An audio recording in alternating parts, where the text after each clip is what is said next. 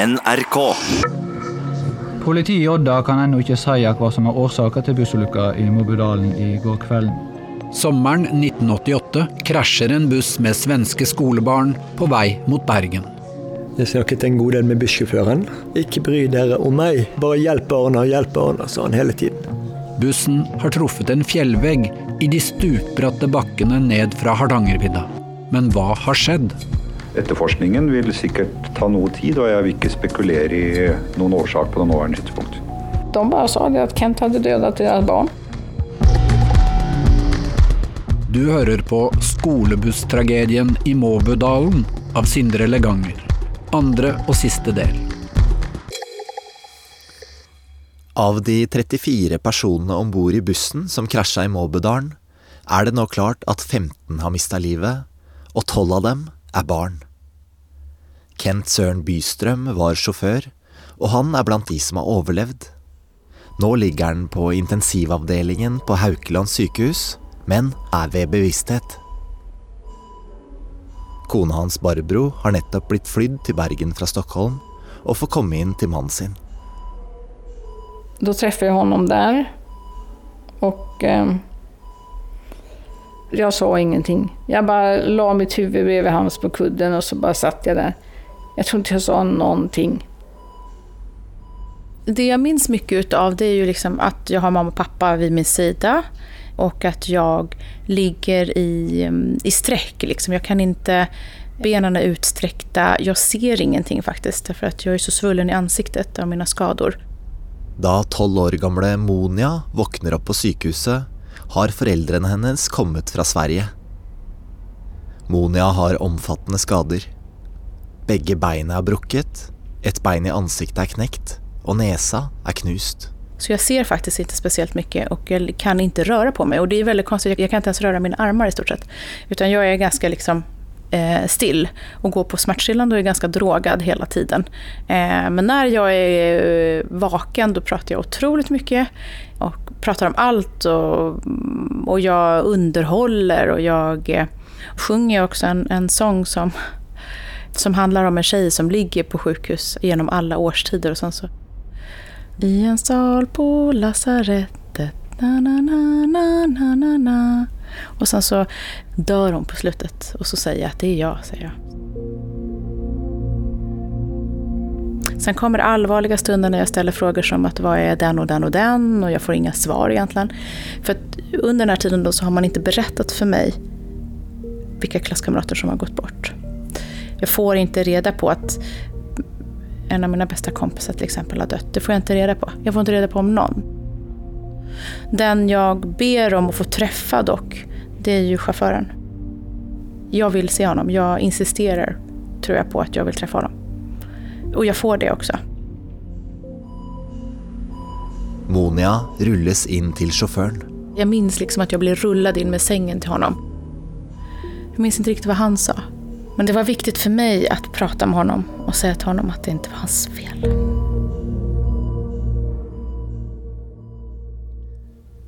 Mens de overlevende fra bussulykka ligger på sykehus, starter politiet etterforskninga av hvorfor bussen krasja. Hvordan kan bremsene svikte midt i en nedoverbakke? Og hvorfor kobla ikke sjåføren inn hjelpebremsene, som bussen skulle være utstyrt med? Politiet i Odda kan ennå ikke si hva som er årsaken til bussulykka i Morbudalen i går kvelden. Etterforskningen vil sikkert ta noe tid, og jeg vil ikke spekulere i noen årsak på det nåværende tidspunkt. Så du vil heller ikke si noe om det kan ha vært for stor fart som var årsaka? Nei, for vi må foreta selvfølgelig en teknisk etterforskning, og også prøve å få tak i vitner og opplysninger fra annet hold.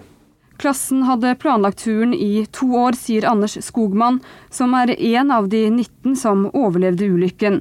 Det ble noe feil på bromsene på bussen. Den, eh, jeg tror at det var noe feil på växellådan og at den ikke klarer av å motorbromsa som den skulle. Ja, hørte du eh, spesielle lyder i bussen før bussen kjørte i fjellveggen? Nej, nej, det var ibland när han växlade så, så var, lät det lite konstigt i, bak i växellådan. Då, men det, det hade jag gjort hela tiden så att det, var, det var ingen som tog så allvarligt på det. Politiet både i Norge og Sverige har ansvaret for å finne ut hva som har skjedd. Eiliv Lønningen fra politiet i Hardanger hadde leda arbeidet på ulykkesstedet. Nå blir det deres oppgave å finne ut hva som skjedde. Så er det også opp til politiet å finne ut at noen kan straffes for dette. Og eh, det er klart at det viktigste avhøret i, i, i denne saken er bussjåføren. Mens den svenske bussjåføren fortsatt ligger på Haukeland sykehus, oppsøkes han av en politimann. Vi leser fra avhørsrapporten. Mandag den 15. august om morgenen kjørte han fra Kongsvinger. Målet for dagen var Kvamskogen utenfor Bergen. Han følte seg i fin form før kjøringen startet, og under denne. Kjøringen gikk greit til han hadde bussen inne i en tunnel. Han merket her at fotbremsen ikke tok, og han så samtidig at varsellys for bremsen kom på.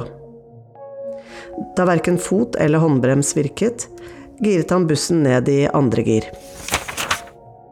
Bussjåføren forklarer at nå begynner farten å øke, og at alt skjer fort. Han ropte til barna at disse måtte springe bak i bussen. Etter at han mistet bremsene på bussen, mener han at han ved hjelp av bussrattet holdt bussen på veien hele tiden før han svingte i veggen. Så han bare bremste han helt til bremsen ikke virket lenger, og da var det for seint. Om årsaken til at bremsene sviktet, sier han at han ikke vet hva som kan ha skjedd med bremsene. Slik som det hele skjedde, visste han at det sto om livet til alle i bussen. Hva skulle han gjøre? Han kan i ettertid ikke se at han kunne ha gjort noe annet enn det som han gjorde da det hele utviklet seg.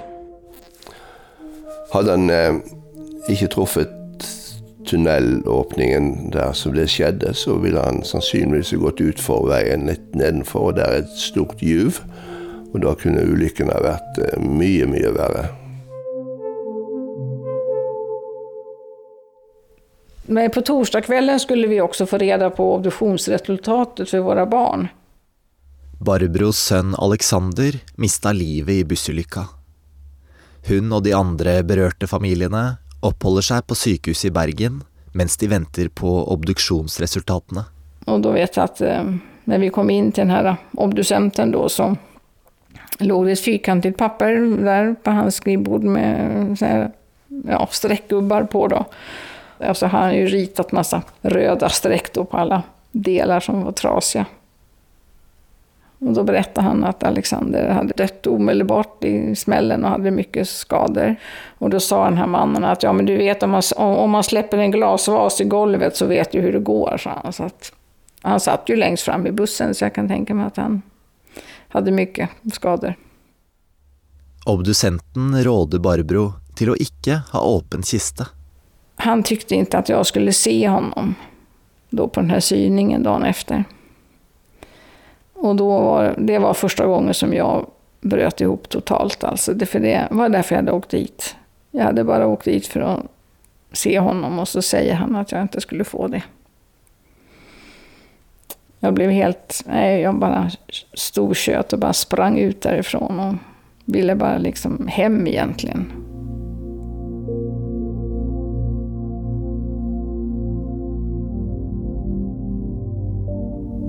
På fredagen då som den här syningen skulle vara. Och då eh, kom ju även mina flickor och mamma och pappa till Norge. Och då hade man bestämt att man skulle få 20 minuter då med varje, varje familj skulle få 20 minuter med sitt barn. Før syningen får Barbro besøk av legen som tar seg av Alexanders pappa. För jag berättade för honom att jag vet inte vad jag ska göra med de där 20 minuterna. Jag ska inte få se honom så jag fattar ingenting. Och då säger han att men jag har sett honom och jag tror att du klarar det, sa han. Ved syningen er kista til Alexander åpen. Barbro går helt fram til kista og setter seg ned ved siden av. Tjejerna var med också då, fast de gick inte ända fram så. Men jag satt där bara bredvid honom och klappade honom på huvudet och så.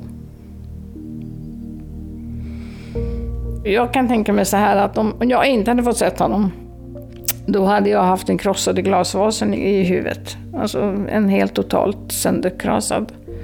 Och det har inte jag sett. Den här obducenten då, han såg ett skadat barn. Och jag såg min son. Det är lite skillnad.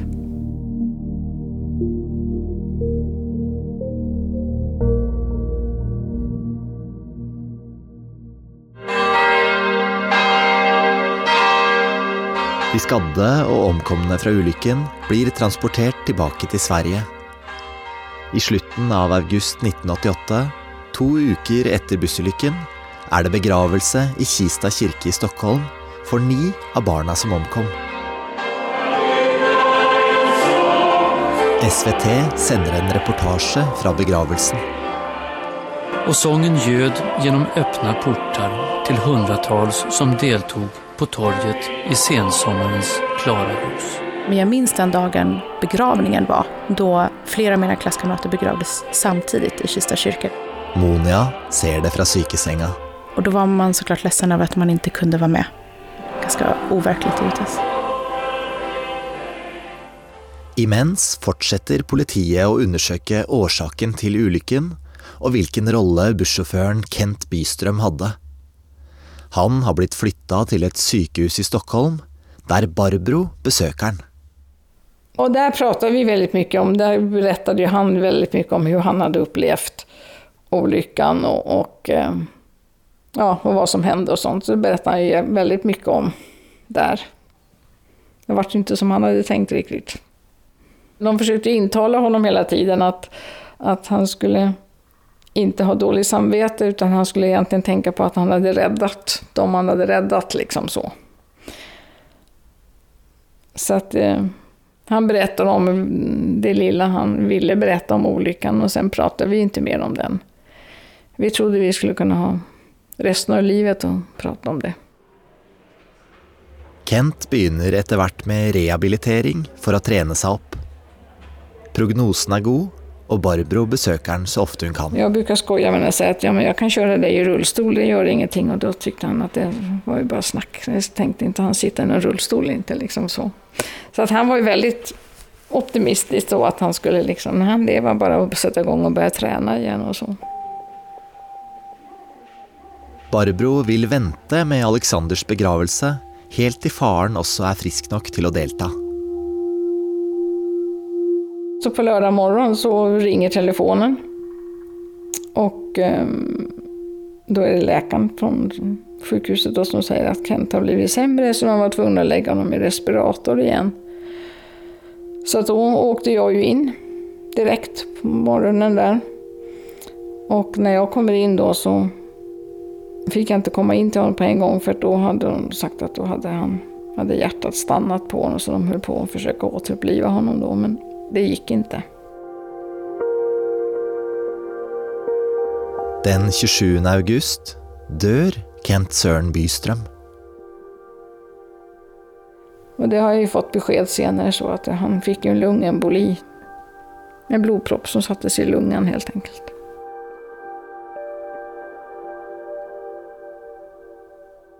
Jag vet att jag var arg.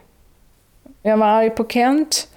För jag tyckte att eh, vi hade lovat varandra en gång att vi skulle älska varandra i nöd och lust. Och när nöden kom då stack han tyckte jag. Det gjorde han ju inte med flit, men jag upplevde det som att här fick jag stå själv nu med alltihopa liksom. Två månader efter bussolyckan är polisen färdiga med sina undersökningar.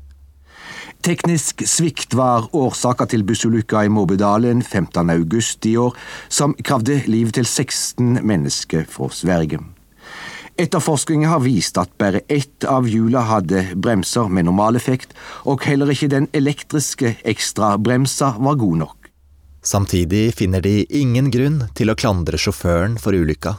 Politiet finner ikke grunn til å kritisere sjåføren for måten han manøvrerte bussen på. Vi vet at eh, bremsene sviktet.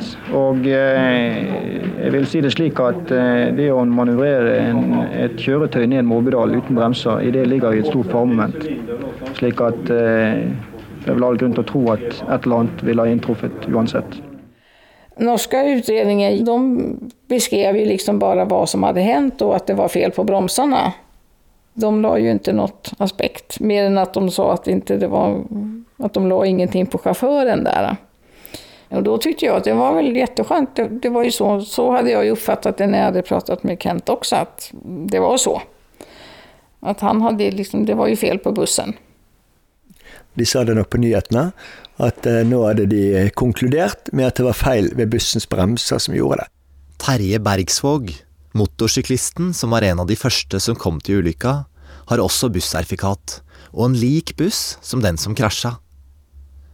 Han følger saken i nyhetene, og mener at politiet ikke forteller hele sannheten når de frikjenner bussjåføren for kritikk. Terje mistenker at feilen er at bussjåføren brukte bremsepedalen for mye, istedenfor å motorbremse ved å gire ned. For alle som kjører da lastebiler og vogntog og busser og tunge kjøretøy, de vet at i nedoverbakker så må de bremse på gir. Da må de gjøre seg ferdig med å ha korrekt gir før de begynner på nedoverbakken. Da ville det bremset kraftig på motoren hele veien nedover. Terje veit at på denne typen busser er det en elektrisk knapp på girspaken som kan brukes til å gire. Men han vet også at den ikke skal brukes i nedoverbakker. Det var veldig vanskelig å gire opp og ned med den elektriske hvis du ikke kjente til hvordan det fungerte. For på min buss sto det en plakat fra Volvo fremme på dashbordet. At du måtte aldri skifte fra høy til lav i nedoverbakker. Etter at politiets etterforskning avsluttes, sendes saken rutinemessig videre til svenske myndigheter. Pga. en begjæring fra de pårørende til de som omkom, blir det bestemt at den svenske havarikommisjonen også skal undersøke ulykka. En haveriundersökning är lite speciell så att den är inte ute efter att leta efter eh, bovar och banditer utan haverikommissionens uppgift är att försöka ta reda på vad har hänt, varför har det hänt och vad kan man göra för att det inte ska inträffa igen. Henrik Elinder ved Statens havarikommisjon i Sverige får det tekniske ansvaret for utredninga av bussulykken i Måbodalen. Jag brukar säga att varje olycka eller tillbud är tragiskt på många sätt, men innehåller ofta eh, små russin, kan man säga, korn, nyttiga saker. Alltså eh, saker att lära ifrån en olycka. Och det absolut viktigaste det är ju att försöka då fånga upp dessa lärdomar. Alltså träda för, för framtiden. Det handlar inte om att hitta syndabockar. Men är det så att vi ser att här har någon gjort ett, något regelvidrigt, då, då måste vi skriva det. Alla människor gör fel. De som inte gör, säger att de gör fel, de, de ljuger brukar jag säga. Så att det vore ju bara en halv sanning, en rapport om man inte talar om alla olika mänskliga beteenden i en olycka. Det är ju människor som finns med hela tiden. Mens Havarikommisjonen jobber, forsøker Barbro Bystrøm å vende tilbake til hverdagen. Men som mamma til en død gutt, og plutselig enke etter mannens død, er det ikke så lett. Alla gick gärna omvägar. Det var ju så att gick man och handlade så var ju liksom köttfärsen mycket intressantare att titta på än, än att heja på mig. Liksom sådär. Så det var ju väldigt mycket så. Men blant de andre berørte foreldrene finner Barbro trøst. Hver dag møtes de i Kista kirke for å prate om barna sine. Jag levde ju så i början att klockan fyra så träffades vi i kyrkan. Och så satt vi där någon timme eller två. Och sen kunde man väl klara sig till nästa dag klockan fyra. Det var väl så jag inrättade mitt liv till att börja med. Man fick se de andra föräldrarna som stod på sina ben. Och sen så pratade vi ju otroligt mycket hela tiden där. Vi pratade om våra begravningar, vi pratade om våra barn, vi pratade om allt liksom så. Och det var väl det som... Det är det man behöver i det här läget. Det enda som så här, var speciellt, och det var ju såklart när man träffade föräldrar som hade förlorat sina barn. Etter fire måneder får Monia komme hjem til Kista. Men der er ikke alt som før. Ja, men det var smärtsamt. För dem, såklart, att se oss tror jag. Men smärtsamt också för mig själv att se dem lida.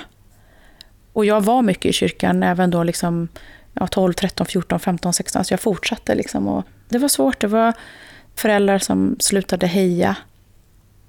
Men jag kände aldrig någon bitterhet över det, utan snarare en förståelse för det, det gjorde för ont att, se mig gå där liksom och vara, nu var jag 15 eller 16 och det kunde lika gärna varit deras egna barn. Men så var det inte.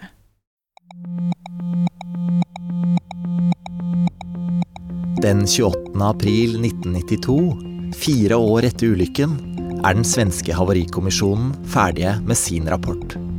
De finner to årsaker som sammen har bidratt til ulykken. En viktig eh, orsak är ju att bussens ordinarie bromssystem var inte helt funktionsdugligt. Det var egentligen bara 50 procent av dess effektivitet fanns kvar.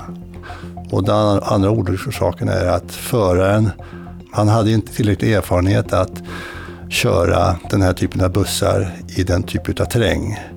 Väldigt kuperad med, med långa branta backar. Ifølge rapporten har de to hjelpebremsene på bussen vært utkobla helt fra avreise i Kista. Og da bremsepedalen også til slutt svikter helt i nedoverbakken i Norge, gjør sjåføren en skjebnesvanger manøver. Han bruker den elektriske knappen på girspaken til å gire ned, og pga. farten blir giret da sittende fast i en mellomposisjon. Det gjør at hjula kobles helt fri. Och därmed så försvann all bromsförmåga från bussen. Och så fortsatte backen en lång väg och farten bara ökade och ökade. En representant for kommisjonen kommer til Kista kirke for å legge fram rapporten for de pårørende. I konklusjonen om ulykkesårsak står det at Bidragande faktor har varit förarens begränsade erfarenhet av att köra buss i långa branta utförslut. Så den processen var jättejobbig tycker jag för mig. Fellesskapet med de sørgende foreldrene som Barbro opplevde i kirka, blir nå erstatta av noe helt annet. Och det vart ju mycket tjafs där liksom så. En del föräldrar som varit jättearga. Och de bara sa det att Kent hade dödat deras barn. Tyckte de så, för att han hade kört fel. Så att, eh, det var ju någon, någon förälder där som mm, hoppade på mig. Det var faktiskt i kyrkan. Så hoppade han på mig och frågade varför inte Kent hade kört si och så. Och då sa jag att du kan inte jag svara på, så du får väl gå och fråga honom. Han ligger på Spånga kyrkogård så du kan ju gå och fråga honom där och varför han inte gjorde så. Liksom. Då vart jag så förbaskad. Och, ja, och då så, ja, då bara gick han. Han tyckte väl inte att det var något. Och det var ju många föräldrar som jag sa det att han har väl fått det, han har ju fått ett straff som inte en svensk domstol i så fall utdömer så att jag vet inte vad ni är ute efter liksom. Så. Det hjälper ju inte att gå och skälla på mig, jag var inte där. Andra föräldrar är också sinta men for noe annet. Sveriges Radio intervjuer en av foreldrene etter at havarirapporten har blitt lagt fram. Hur känns det nu när den här rapporten är klar? Kan den lindra på något sätt? Eh, flickan är död, vår flicka. Henne får vi aldrig tillbaka. Men ifrån början så tänkte jag vi begraver henne, hon är död. Sånt här, det är en olycka, det händer. Eh, men sen tyckte jag hon var för bra för att bara sopas under mattan. Och det är det som liksom känslan har varit. Att alla har försökt att dölja det här. Min uppfattning är väl att olyckan hände egentligen inte i Norge utan i Sverige. Det här borde aldrig ha behövt hända. Och de som hade kunskapen och var tillsatta hade gjort sitt jobb. Alltså vi, när det gäller olyckor, man utreder olyckor, så måste man ju utgå från att de flesta människor, nästan alla människor, vill göra någonting, vill göra rätt, vill göra det riktigt, vill göra det bra. Henrik Elinder og den svenske havarikommisjonen kom fram til at sjåførens handlinger var en medvirkende faktor til ulykken. Men kommisjonen er egentlig ikke ute etter å peke ut noen skyldig, men prøver bare å finne ut hva som bør gjøres annerledes i framtida. Här är det en person som ville göra rätt, men det blev fel. Och vad kan vi lära utav det? Men de opprørte pårørende vil vite hvem som har ansvaret. Når Havarikommisjonen da beskriver bussjåføren som en faktor, blir det som att de och de pårørende snakker helt forskjellige språk. Det här med bidragande faktor, det är en helt fel tolkning. Det är helt fel uppfattning att tolka det som att, att han, föraren var skyldig på något sätt. Hans agerande, det bidrog, ja, och det, det måste ju fram. Men det framgår i rapporten att han var en, en, en duktig och, och skicklig erfaren bussförare för att köra buss på planmark och i städer och så vidare. Han hade inte erfarenhet att köra en sån här typ av buss i sån här typ av terräng. Ingen hade förklarat för honom och han hade aldrig varit insett detta att eh, det är en väldigt, väldigt skillnad. Och i och med det så gjorde att han ett handhavande fel. Och det i sin tur bidrog. Men, men han är ju inte skyldig. Han är inte skyldig utan han, han, han är ett, snarare ett offer för ett systemfel som många skulle kunna hamna i precis exakt samma. Många hyggliga bussförare skulle kunna hamna i precis samma situation. Det existerar inte skyldighet här. Det här är ju offer.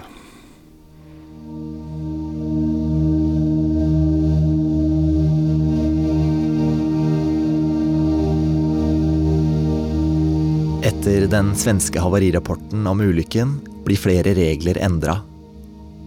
Hvis hjelpebremsene på en buss ikke funker, skal den ikke lenger godkjennes på kontroll. Og hvis man tar busslappen med en buss med automatgir, får man ikke lenger førerkort for busser med manuell. Når det gjelder fraværet av sikkerhetsbelter, konkluderer havarirapporten at det ikke påvirka utfallet, ettersom krasjet var så voldsomt.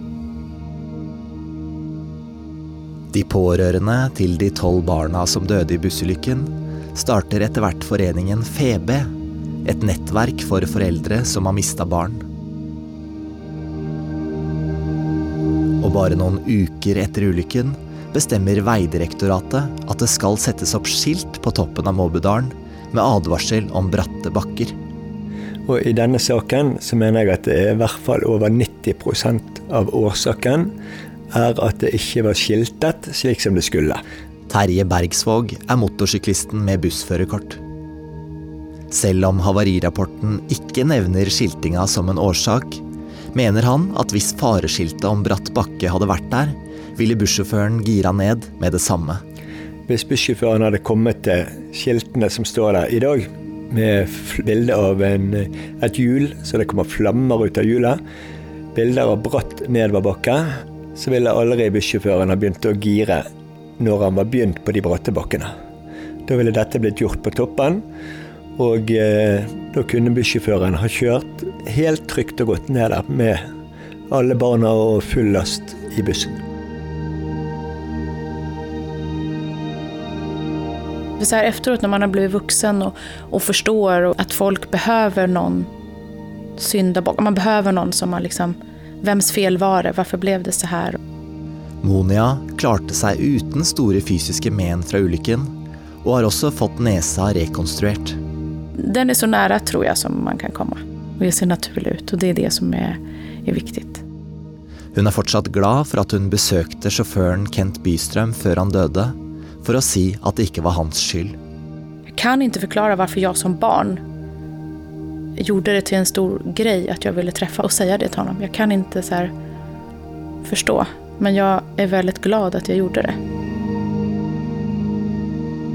Det jeg har sett og opplevd, det forsvinner ikke. Jens Petter Olaussen var blant de første som kom til ulykka, og hjalp til med å bære ut barn fra bussen. Han har fortsatt mareritt om det. Jeg ser eh, barna som vinker til meg i vinduet bak, og jeg ser det for meg De sitter og skriker etter hjelp og vil ut og sitter fastklemt.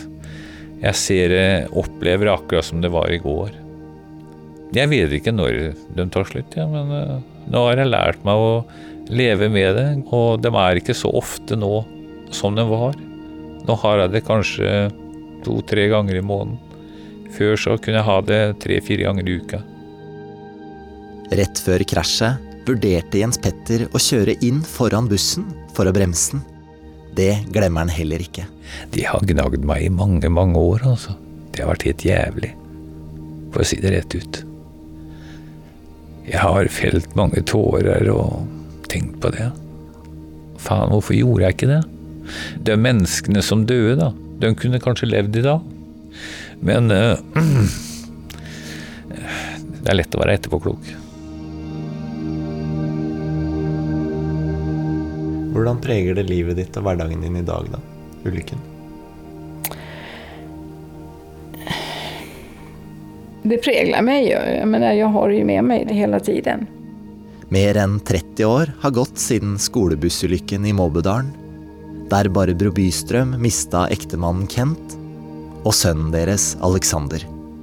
Sorgen finns alltid där. Den kommer alltid att finnas där. Den saknaden och tomheten kommer alltid att finnas. Men man fyller den med annat. Och det finns ju det som tycker som att nej, men vi pratar inte om det för hon blir så ledsen då. Ja, men jag blir inte ledsen för att man pratar om det. Jag blir ju ledsen över att det har hänt. Man förlorar sitt barn. Då förlorar man barnet. Men sen ska man heller inte få prata om dem. Då har man ju förlorat dem på två sätt. Så. Det är precis som att när vi pratar inte om dem, för då finns de inte. Jag tycker att man ska prata om det. Jag tycker det är jätteviktigt att man pratar mycket om det.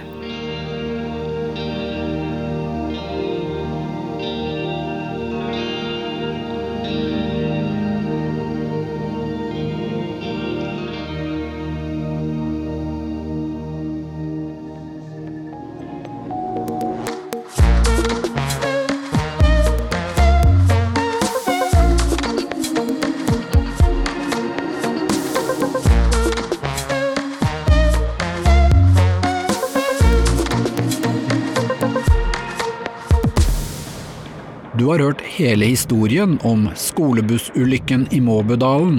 Dokumentaren er laget av Sindre Leganger i Svarttrost Produksjoner for Sveriges Radio og koprodusent NRK. Konsulenter Jon Jorås og Kjetil Saugestad. Lyd etterarbeid ved Kjetil Hansen. Redaksjonelt ansvarlig Siril Heierdal. Kontakt oss gjerne med synspunkter på radiodukk at nrk.no.